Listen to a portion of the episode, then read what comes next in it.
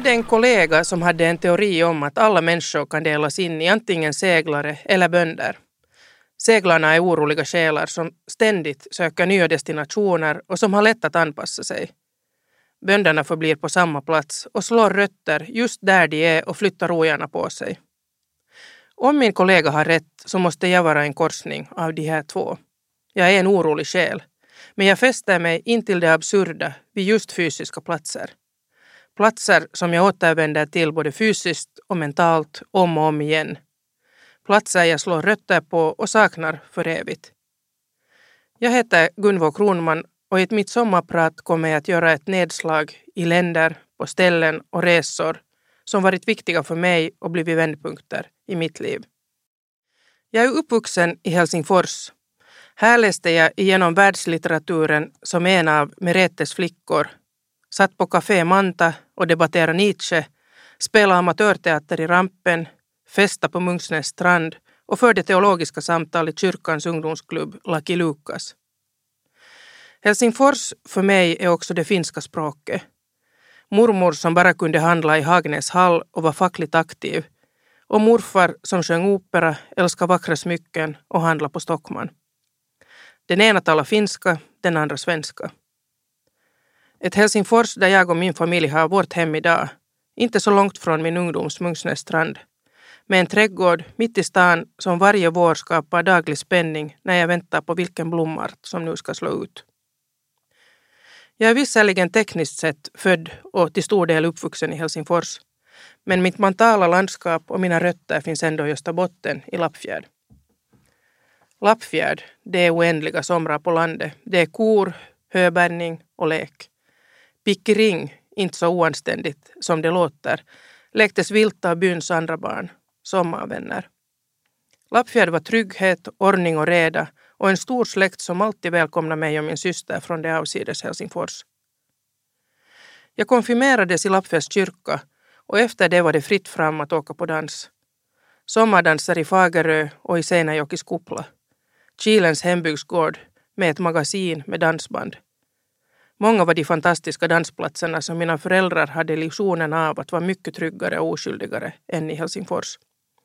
Dit fick jag fara med stora gäng medan hemma i storstan Helsingfors väntade pappa alltid i sin blå Opel utanför mina besöksställen för att jag tryggt skulle komma hem i allmänhet som den första som lämnar skoldiskot eller festen. På danserna i Österbotten däremot, där gick det vilt till. Spriten flöda, erotiken hängde tung i luften på dansgolvet och bussen hem gick tidigast klockan två på natten.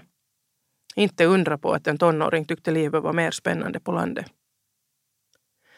När jag tänker på min barndom är det somrarna, jularna och påskarna i Österbotten jag minns, fast jag bodde i Helsingfors.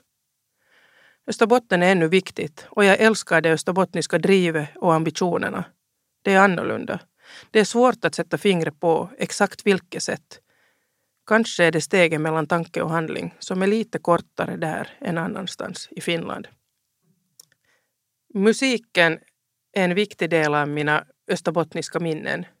I min vindskammare, instängd med en kassettbandspelare, spelar jag bland annat 1975 års megahit Harpos Moviestar, Sami Babitsins Da Da Autostrada och absolut allt med Ted Gärdestad om och om igen till allas leda.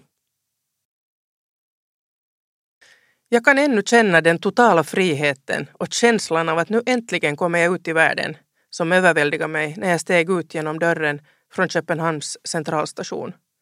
Det är sommar, jag är 16 år gammal och på väg ut i Europa med första stopp i Köpenhamn. Det kändes bokstavligen som om hela Köpenhamn låg för just mina fötter och jag kunde göra precis vad som helst. Här inleddes en livslång kärleksrelation mellan mig, Köpenhamn och resten av Danmark.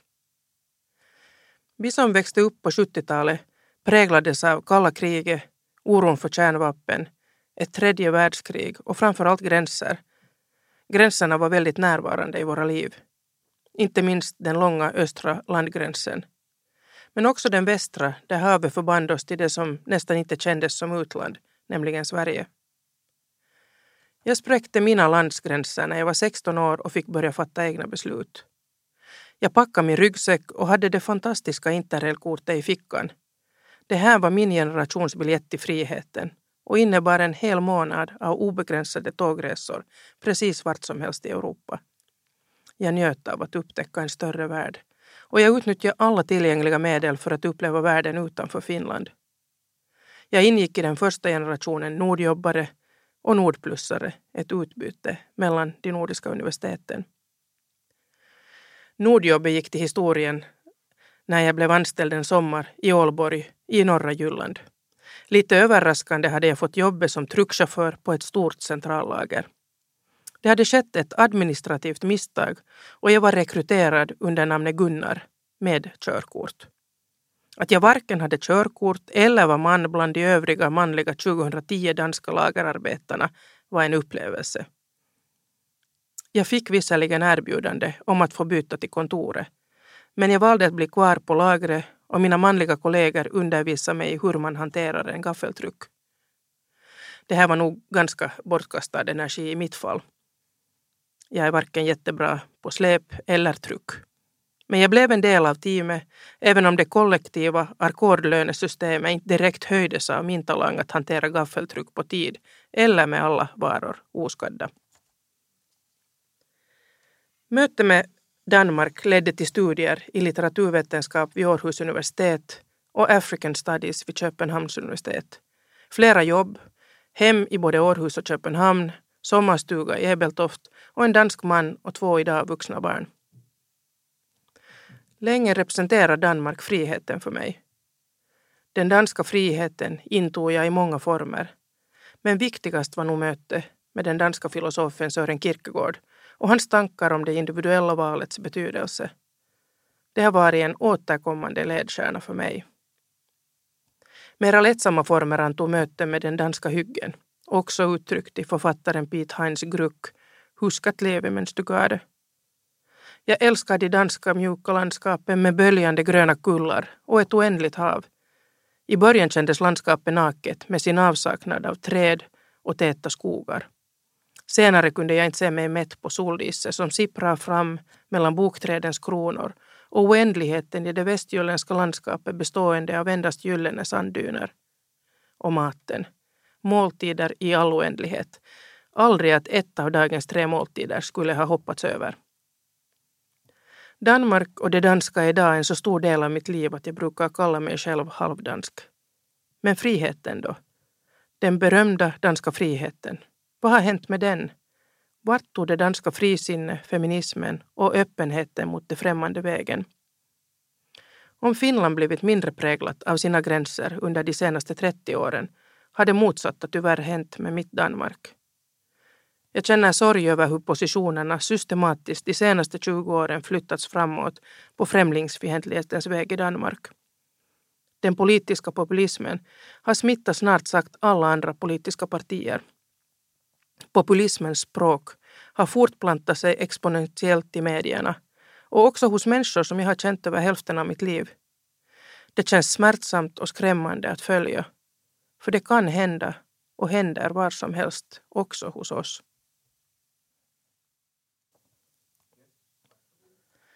Jag ser en utmärglad ung kvinna som sitter på marken med ett vitt tygbylte i famnen.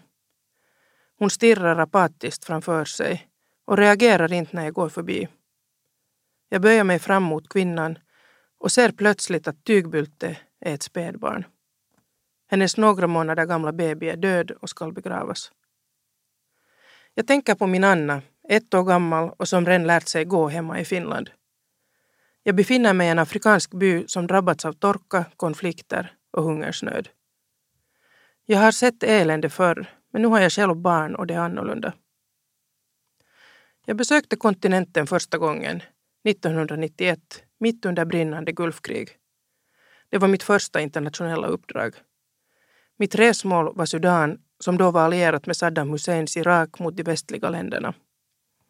Jag var journalist på den tiden, jobbade för Röda Korset och ledsagade ett tv-team från finska MTV som skulle göra en dokumentär om hungersnöden och flyktingarna i landet. Men resan fick ett oväntat slut då vi blev fängslade av de sudanesiska myndigheterna. Vi hade besökt landets norra områden i Red Sea Hills där ursprungsbefolkningen nubierna bodde. Just de områdena var värst drabbade av hungersnöd. Men den sudanesiska regeringen ville inte kännas vid situationen och inte heller ville de att internationell hjälp eller uppmärksamhet skulle riktas till nubierna, en ursprungsbefolkning i norra Sudan.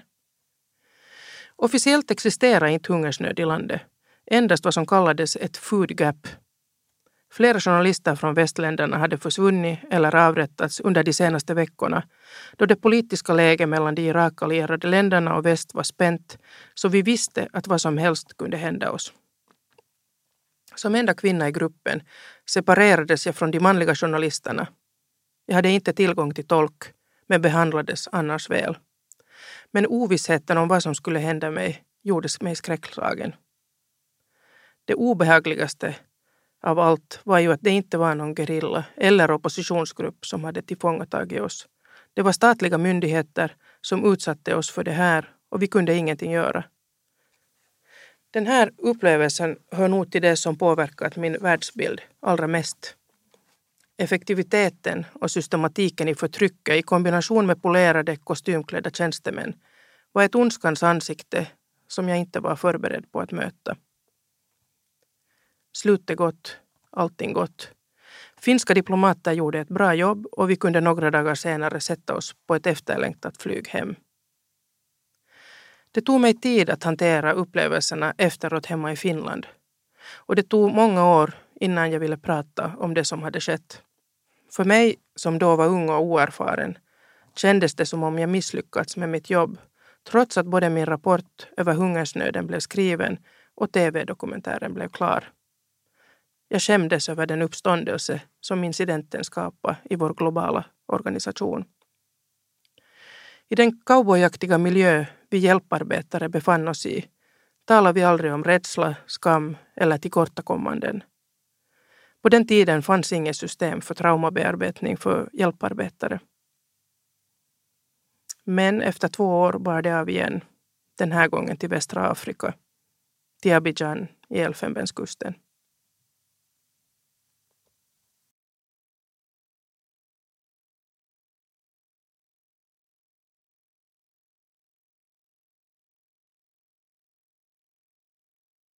Jag kunde inte andas.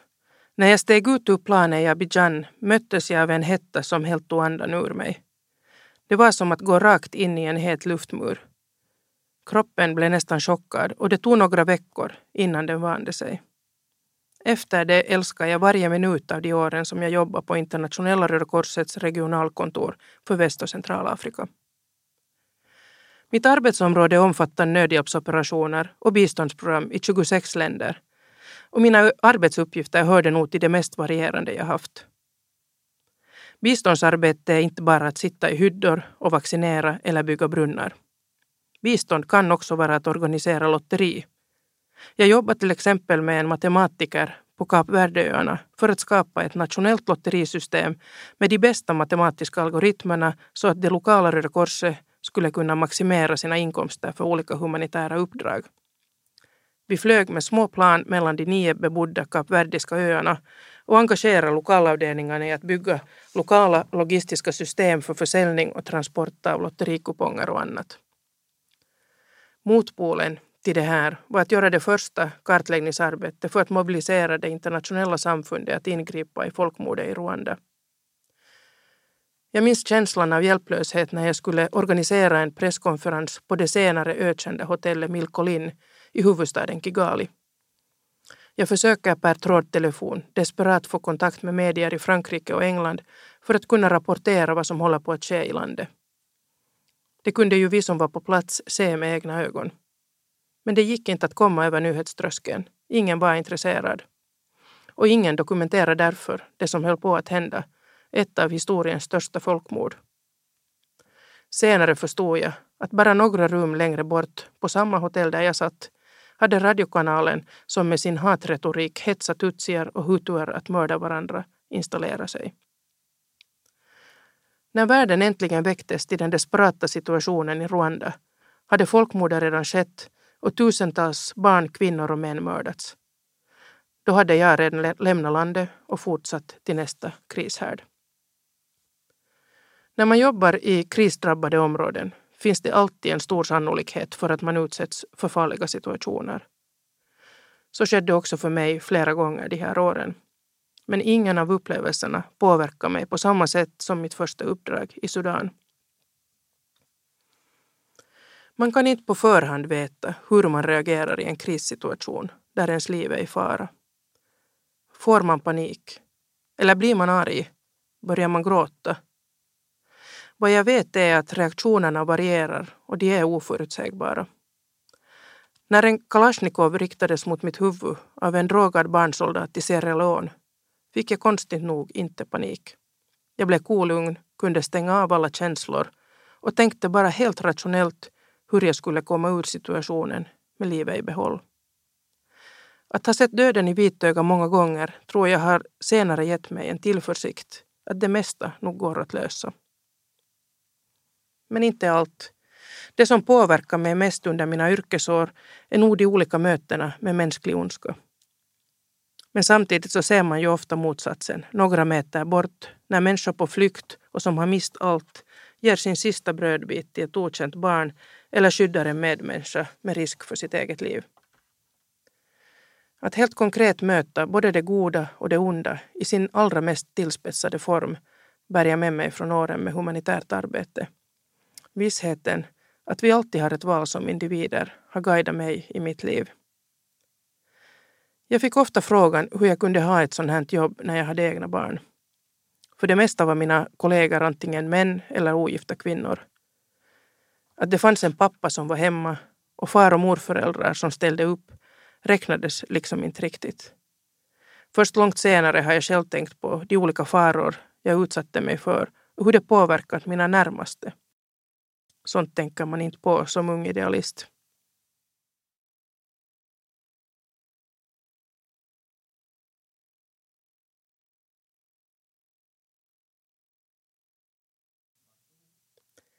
Under åren i Afrika hade jag som mest 200 resdagar per år. Jag minns en morgon då jag vaknade i ett mörklagt hotellrum och drabbades av panik för att jag för allt i världen inte kunde erinra mig om i vilket land jag befann mig. Jag gick fram till fönstret, drog ifrån gardinen och stirrade ut. Det tog mig ett tag att inse att jag var i Dakar, Senegal. När jag inte jobbade, då nöt jag för fullt av den oerhörda livsglädje och estetik som jag mötte. Skönheten och det vackra blev motpolen till konflikterna och fattigdomen. Och jag tror faktiskt att färger, dofter, konst och musik både kan hela och förhindra cynism. På min fritid var jag alltid på jakt efter gamla pärlor på de lokala marknaderna för att skapa mina egna fantasismycken. Holländska och italienska pärlor användes i tiderna som valuta i det koloniala Afrika. Jag lät sy och klädde mig i de mest fantastiska dräkter i färgsprakande afrikanska tyger. Det var också här jag lärde mig att inte skämmas för mina kvinnliga former eller att vara anspråkslös med accessoarer. Ju mer tätt sittande dräkten var och ju större smycken, desto bättre. Det kändes befriande. Den stolthet och självkänsla med vilken speciellt västafrikanska kvinnor, både privat och professionellt uppträder, har gjort ett enormt intryck på mig. De afrikanska rytmerna tog mig med storm och speciellt den senegalesiska artisten Youssou N'Dour hör fortfarande till mina favoriter. Jag minns speciellt en konsert i Gambia dit jag släpade familjen på konsert. Jusundur började spela klockan tre på natten. Då hade barnen redan somnat i sina stolar. Trots att det var det humanitära arbetet som tog mig till Afrika hade det alltid varit skönhet, humor och det livsbejakande som har präglat min bild av den afrikanska kontinenten. Och det är inte helt slut mellan mig och Afrika ännu. Fast jag nu jobbar i Finland får jag ibland åka tillbaka till hettan och människorna. Jag sitter på hotellbalkongen med en kopp kaffe. Klockan är sex på morgonen. Fåglarnas morgonkonsert har kört igång. Solen har inte ännu stigit upp men det är redan hett. Det är april månad i år och jag är tillbaka i Afrika. Den här gången i Uganda med Plan International vars globala vice ordförande jag är.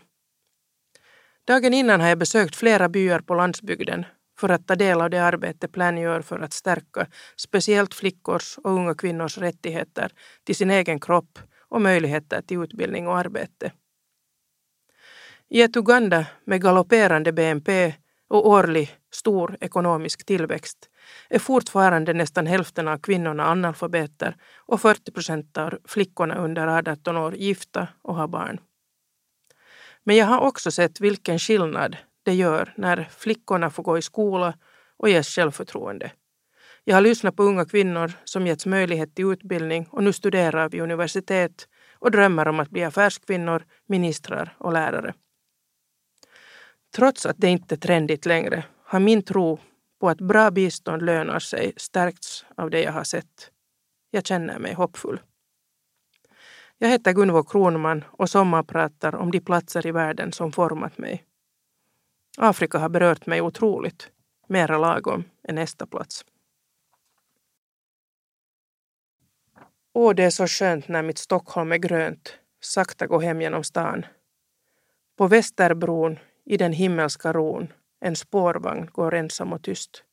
Alla hus målar natten i ljus, hemligt går träden i blom. Stockholm, Sverige. Så många finländare har haft ett nära men komplext förhållande till storebror i väst. För mig är Sverige inte bara en plats, det är ett tillstånd. Lite ljusare, lite gladare, lite finare. Men ändå som hemma, oändligt generöst. I min barndom var allt som kom från Sverige per definition fint. De splitternya Volvobilarna som i långa rader invaderade de österbottniska byarna under sommarmånaderna. O'boy, Marabou, Svensktoppen och Hemmets veckotidning.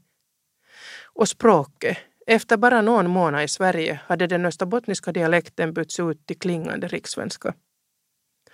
Trots att jag var helsingforsiska kände jag mig ändå alltid som kusinen från landet bland de skicka svenskan som kom hem. Idag är läget mellan Finland och Sverige ett annat. Finland är i år utsett till världens lyckligaste land när FN mäter lyckan i en årlig rapport. Sverige hamnar på nionde plats. En omständighet som inget finländskt medium skadeglatt undlät att påpeka i sin rapportering. För mig personligen har Sverige som spegel och benchmark varit viktigt. De senaste trenderna, populärkulturen, retoriken, förmågan att förpacka det mest obetydliga så det ser snofsigt ut. Och kanske framför allt förankringens konst. Något som jag har haft nytta av i mitt eget ledarskap och i mina många styrelseuppdrag. Men det upphör aldrig att förvåna mig hur stor okunskapen om Finland är i Sverige speciellt bland yngre generationer. Och hur ofta jag träffar svenskar som aldrig har besökt Finland. Här finns ett folkbildaruppdrag som vi alla måste hjälpas åt att ta. Idag är Sverige också mitt arbetsfält och jag känner mig som fisken i vattnet såväl i Stockholm, Göteborg och Umeå. Jag är tacksam för att få jobba med finsk-svenska relationer. Det är lätt att se nyttan och möjligheterna är faktiskt oändliga. Under mina nu fantastiska 14 år som VD på Hanaholmen har jag också fått lära känna massor av svenskar. Visserligen mycket kulturfolk, forskare, politiker och näringslivsprofiler, men också en och annan kung och drottning.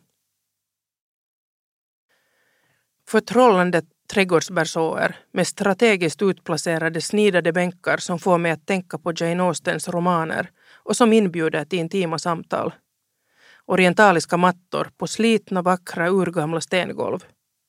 Rum med högt i tak, valvformationer och tunga mahognymöbler. Snittblommor på olika bord och te i tunna koppar. I Jerusalem finns mitt favorithotell i hela världen, det legendariska American Colony. Byggnaden har en maffig historia. Den har fungerat som centrum för en skandinavisk religiös koloni som Selma Lagerlöf också tillhörde. Den har också fungerat som sjukhus och som hemvist för Röda Korset under det brittiska imperiets tid. Idag är American Colony den naturliga samlingsplatsen för journalister, diplomater, politiker och intellektuella som träffas i de praktfulla trädgårdarna och urgamla stenhusen som hotellområdet består av. Jag tröttnar aldrig på att sitta med en bok och ett glas kallt vitt vin i en berså medan jag kan smyglyssna till världspolitiska dialoger från grannbordet. Ifall den afrikanska kontinenten blev mitt öde så blev Jerusalem min magiska stad. Det är jag ingalunda ensam om. Genom årtusenden har människor fascinerats och blivit förförda av Jerusalem. På en liten ihopträngd yta samsas världens tre monoteistiska religioner. Ibland känns det som om hela jordklotet snurrar runt det här sprängladdade epicentrumet. Trots den olösta konflikten och de dagliga orättvisor palestinierna lever med har jag lärt mig att älska den gästfrihet och värme med vilken man alltid möts. Det är omöjligt att förstå situationen mellan Israel och Palestina utan att ha varit på plats och sett det med egna ögon. Att i praktiken se vad restriktionerna i rörlighet innebär för palestiniernas vardag förstår man inte innan man själv försökt ta sig till jobbet på morgonen genom att korsa en eller två checkpoints. Sex kilometer tar lätt två timmar. Eller vad det innebär att en mur blir byggd mellan ditt hus och dina odlingsmarker och du inte har möjlighet att ta dig från det ena stället till det andra utan i bästa fall, om du har en passersedel och kan använda de kontrollerade övergångarna. Den dagliga stress, begränsningarna i rörelsefrihet och oförutsägbarheten skapar är enorma. Men det är framför allt en stor sorg att det här splittrar människor från varandra. Under mitt senaste besök träffade jag 80-åriga fader Manuel, en katolsk präst som tillbringat 45 år i Gaza för att driva en skola och utföra humanitärt arbete. Jag ville övertyga barnen i Gaza om att de är skyldiga sig själva och andra att våga vara lyckliga, att visa glädje, säger fader Manuel till mig.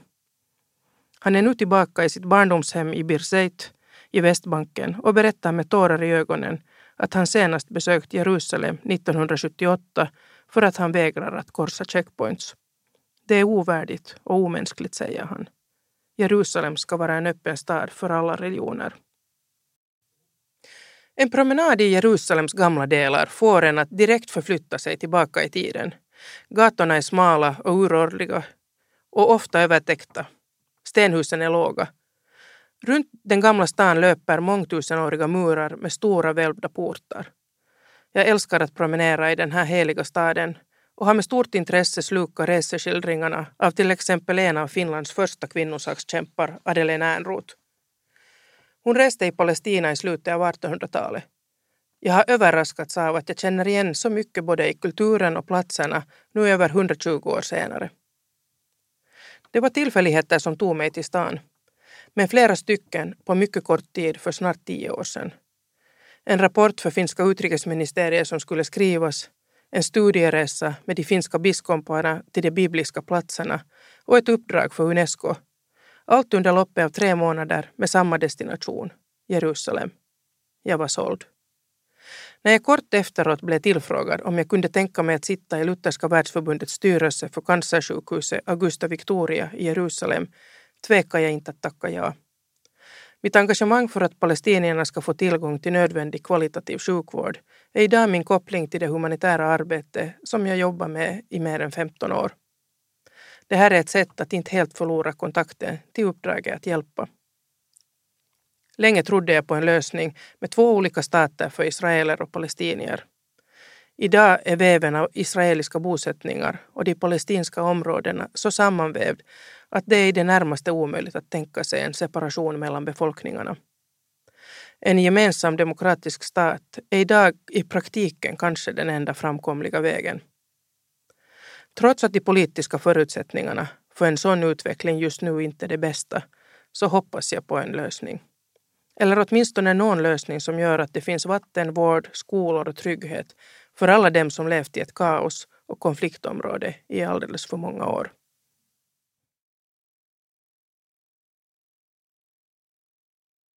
När jag och familjen återvände till Finland efter många år utomlands längtade jag till mitt Österbotten jag längtar till det röda gamla huset med de vita knutarna, vidderna, svenskbygden och det äkta bondlivet.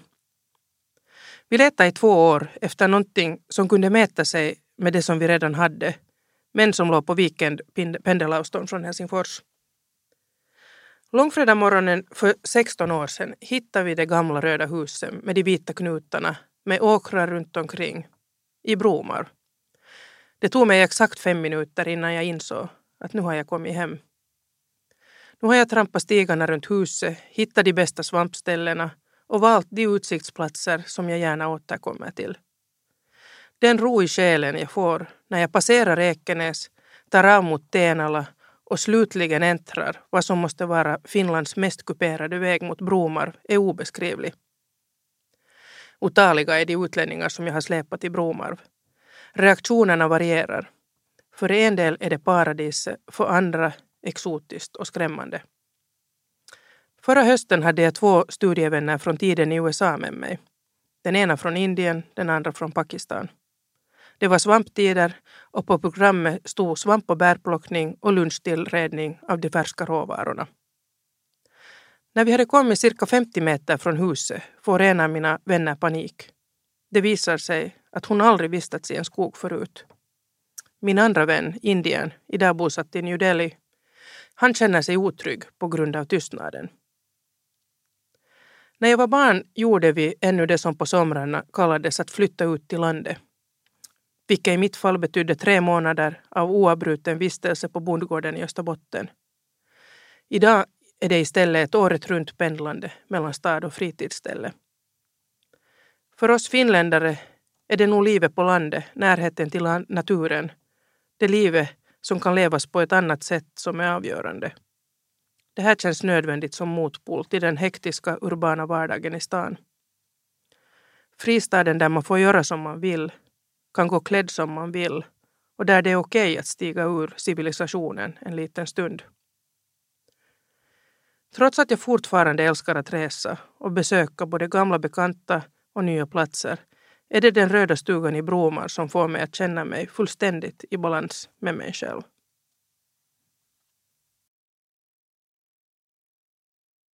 Ibland funderar jag på hur många identiteter man kan ha. Österbottnisk, helsingforsisk, finlandssvensk, finländsk, dansk, nordisk, global. Vad är det som får en att känna sig hemma någonstans? Att höra till? Det är självklart människorna som är viktiga överallt. Men för mig är det också i hög grad just de fysiska platserna. Skogsgläntan eller Utsiktsklippan som jag blir kär i. Det lilla kafé på gathörnet med den goda cappuccinon. Eller så är det verandan med solnedgångar som får mig att tappa andan. Det här upplevde jag förra året i en liten by, Sperlonga, 100 kilometer söder om Rom, där jag fastnade på en veranda i en länsstol nästan en hel vecka stirrande ut över havet. Jag heter Gunvor Kronman och jag har varit er sommarpratare. Sluta aldrig drömma. Sluta aldrig tro på kärlekens och tankens makt. Sluta aldrig att resa.